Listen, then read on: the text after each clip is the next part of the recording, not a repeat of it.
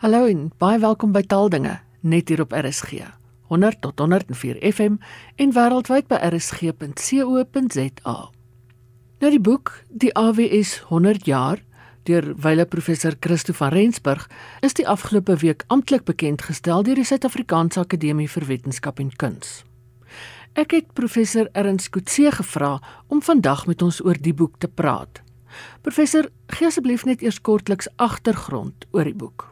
Ina die boek is die resultaat van die laaste groot taalgeskiedenisprojek van professor van Rensburg waarvan hy die manuskrip net net afgehandel het voor sy onverwagse dood op 80 jaar in Augustus 2018.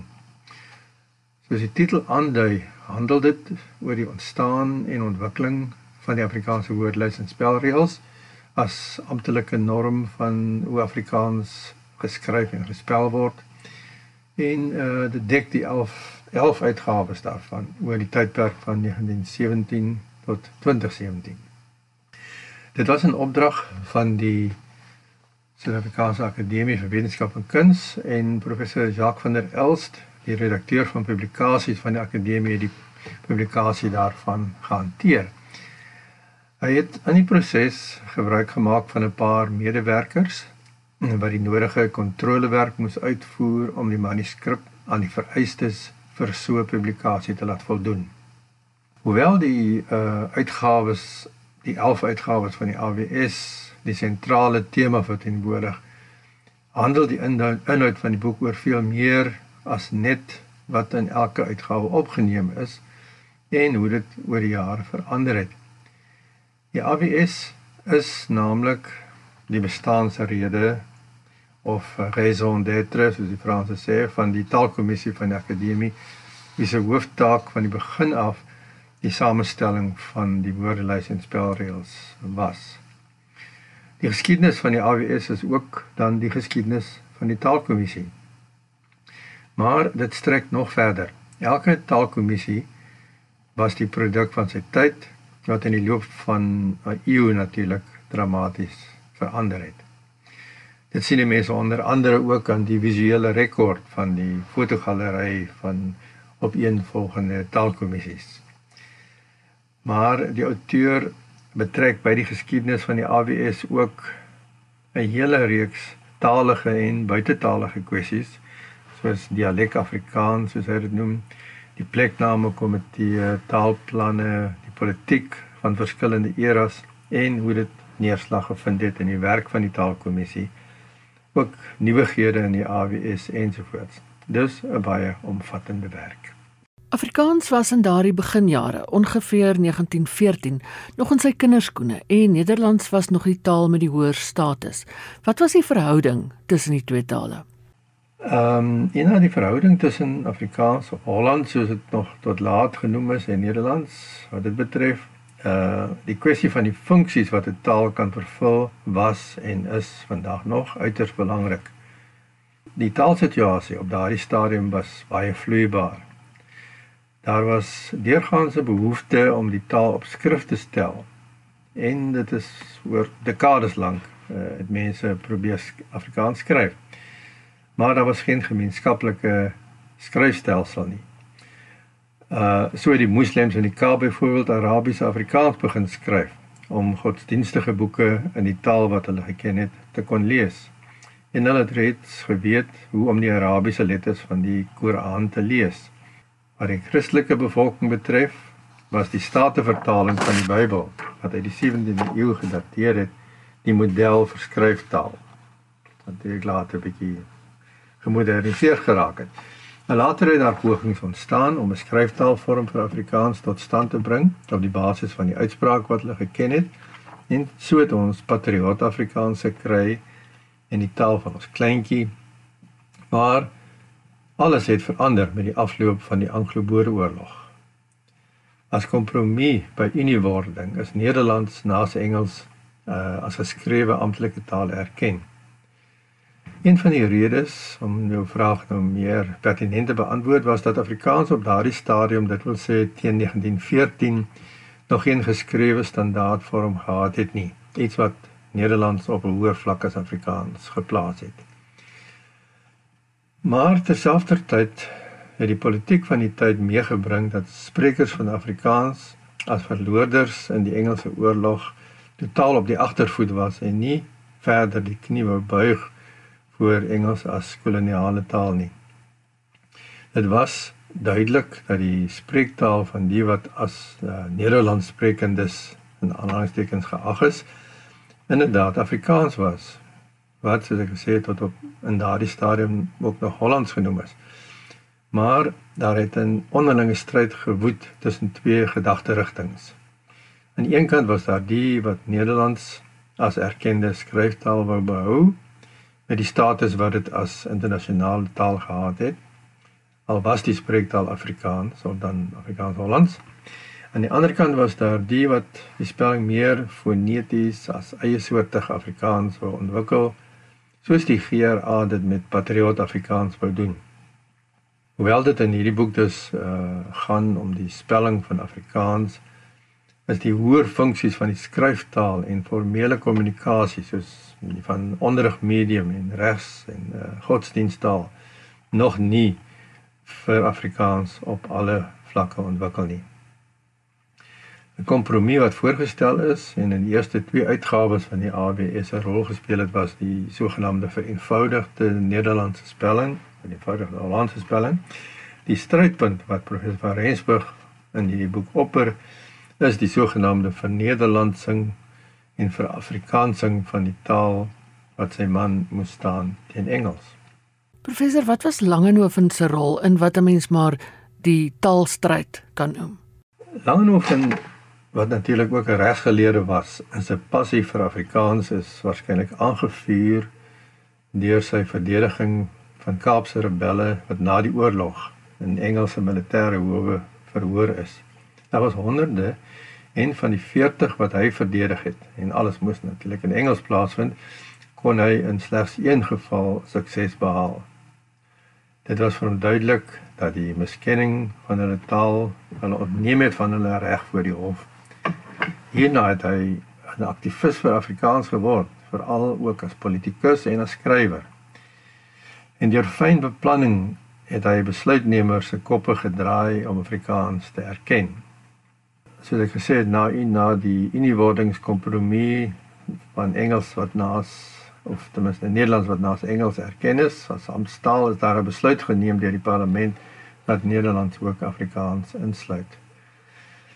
En Langehoven het dan veral beywer vir die invoer van Afrikaans as skooltaal en later natuurlik ook in godsdiens en uh as godsdiens en vaktaal tot op universiteitsvlak. Interessant is dat uh voor hierdie gebeure voor Afrikaans erkennis is as daar al reeds 'n PhD wat in Nederlands ingelewer is in Afrikaans.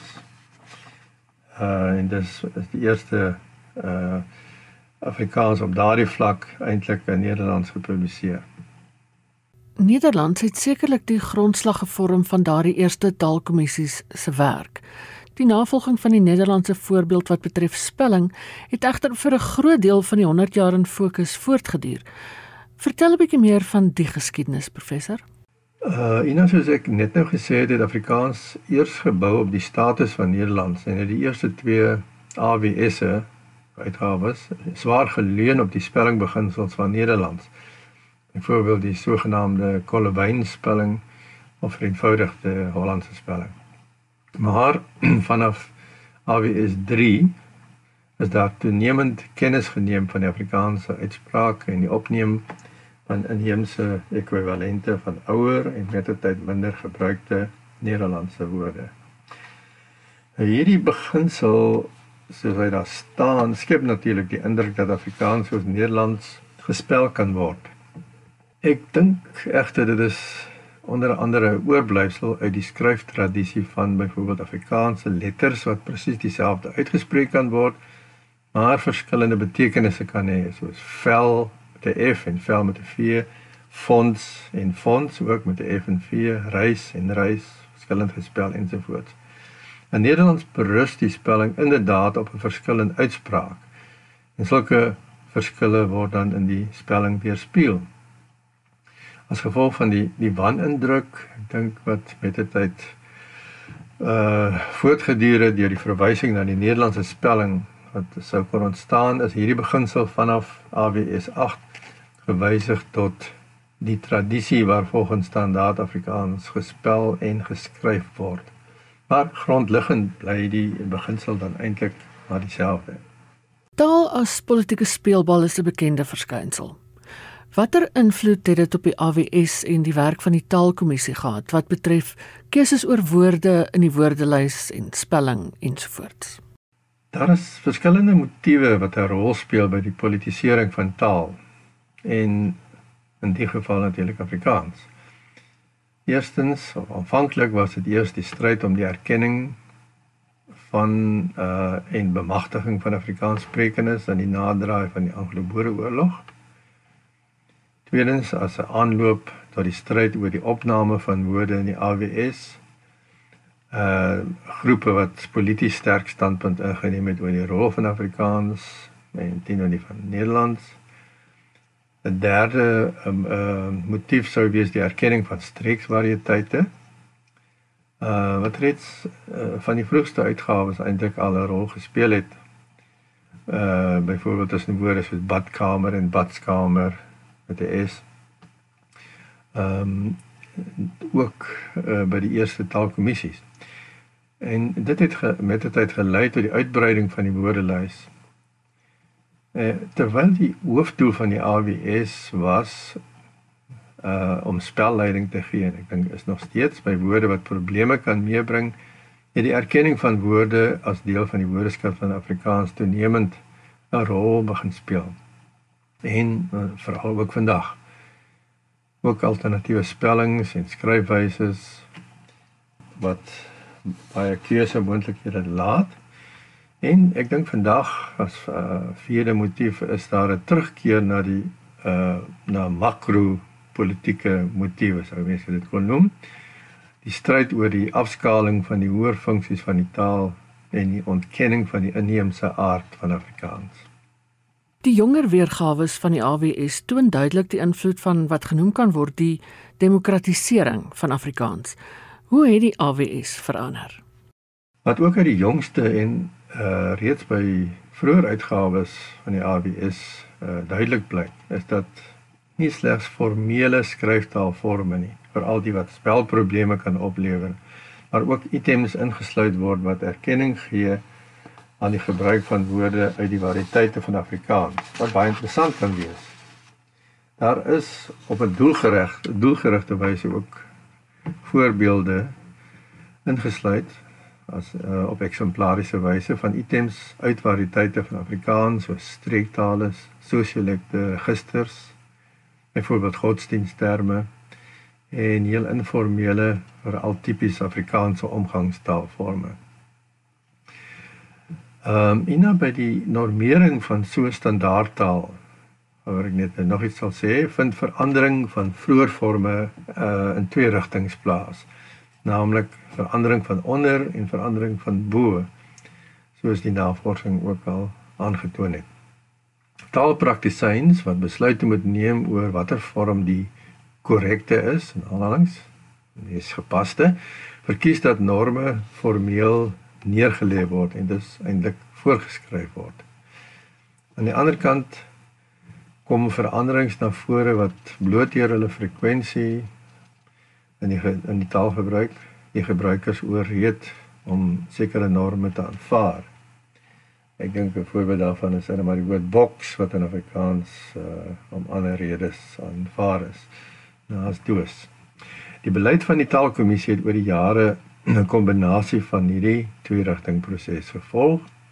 Veral in die laaste paar uitgawes op grond van korpus ondersoeke die werklike frekwensie van oorwegende forme die deurslag laat gee. Maar ek dink dit is belangrik wat dikwels uit die oog verloor word is dat die AWS nie 'n volledige lys van standaard Afrikaanse woorde is nie, maar eintlik 'n baie beperkte lys en afgestem is op woorde waaroor 'n mens kon wonder. Die spelling. Die belangrikste funksie was en is in 'n groot mate nog steeds dis nie om die status van woorde te bepaal nie, maar om spelleiding te gee wat 'n patroonmatigheid weerspieël. 'n Tipiese vraag sou byvoorbeeld wees waarom 'n mens die meervoud van eet of kleed met een e skrywe, maar tweede met twee e's. Ook die term standaard Afrikaans word verskillend geïnterpreteer. In die jongste uitgawe luid luid dit in die inleiding dat die dat die taalkommissie en ek al aan hoofsaaklik gemoeid is met die wyse waarop die formele register van Afrikaans gebruik en geskryf word. Maar dit het oor die jare ook waarskynlik as 'n behoefte by taalgebruikers toenemend gedien as 'n medium waar jy minder formele items uit die geolekte en sosiolekte van Afrikaans opgeneem word om te toon hoe dit byvoorbeeld sê maar in kreatiewe tekste geskryf moet kan word. In die jongste AWS staan daar byvoorbeeld En ek haal hier aan, standaard Afrikaans is die dinamiese lewende produk van kontak tussen die verskillende variëteite wat in die Afrikaanse taalgemeenskap in den brede gebruik word. In die opsig is die jongste aantal uitgawes dus ook 'n weerspieëling van die nuwe tydsgees waarin dit geskep is. Daar is uit die Woordeskat van Afrikaans ook by wyse van voorbeeld toenemend informele of alternatiewe lemmas uit 'n breër spektrum van die geolekte en sosiolekte van Afrikaans as deel van die woordelys opgeneem. Dit is reeds doelbewus by wyse van 'n besluit van die TK in die 1990s wat ek kan onthou geïmplementeer toe die woordelys uh, in 2002 uitgebrei is met uh, toespitsing op die registers van geloofsgroepe en geolektiese forme wat opgeneem is hoewel daar nie noodwendig spelling of spelleiding nodig was nie. Professor, wat is die verhouding tussen die skryftaal wat deur die AWS bereël word en die omgangstaal? Soos reeds gesê, was die hooffunksie van die AWS oorwegend die spelling van wat beskou is as standaard Afrikaans. Nou, standaard Afrikaans is in wese 'n bowegewestelike register wat oor verskillende uh, landstreke gepraat word en woordeskat wat vir alle gebruikers toeganklik moet wees. In die praktyk is dit beperk tot items wat as idiomaties Afrikaans beskou kan word. Asook leenwoorde uit ander tale wat as inkommers in die taal opgeneem is, woorde soos uh, speaker, raison d'être, net nou gebruik het. Yoghurt, golf, klesa, bar mitzvah, flamenco ensovoorts. Maar in die omgang in die omgangstaal word heelwat Engelse woorde met hytjie en mytjie opgeneem en ingebed in die woord woordbou soos by soos opgecheck, afslek ensovoorts. En daarvoor maak die AWS wel voorsiening deur 'n afdeling uh waarin spelleiding oor omgangstaalforme in teenstelling tot standaardforme gegee word. Ook omdat sulke leenwoorde in kreatiewe tekste as deel van die dialoog opgeneem word. Ten slotte professor, waarom is die boek die AWS 100 jaar belangrik? Dit is 'n belangrike publikasie omdat dit 'n insiggewende beskrywing is van hoe Afrikaans as standaardtaal ontwikkel en in die stelsel van spelnorme neerslag gevind het. Dit was die Noorse leksikograaf Einar Haugen wat vier noodsaaklike stappe geïdentifiseer het by die ontwikkeling van 'n taal of dialek as standaardtaal. Hy het dit uh, genoem seleksie en dan word 'n keuring van bepaalde items, kodifisering, skryftaal, vorming daarvan, funksieuitbreiding met ook woordeskat, faktaal ensovoorts en aanvaarding waar mense dit as 'n uh, uh, gemeenskaplike kode aanvaar. Die AWS se rol in die kodifisering van Afrikaans om sover moontlik 'n eenvormige spelwyse tot stand te bring en sodoende dan ook by te dra uh tot die totale pakket van standaardisasie voorwaardes wat ek pas nou genoem het hier van Hein van Augen word in hierdie boek op 'n omvattende wyse uiteengesit. Ek dink dit is waarskynlik die belangrikste rede waarom uh die hierdie boek uh van soveel waarde is ook die Afrikaanse taalkunde. Baie dankie. Dankie professor. Dit was professor Ernst Kutse, taalkundige en oud-voorsitter van die Taalkommissie. Dis dan al vir vandag. Geniet die res van die dag in RSG se geselskap. Bly veilig, bly gesond en van my Ina Strydom groete tot 'n volgende keer.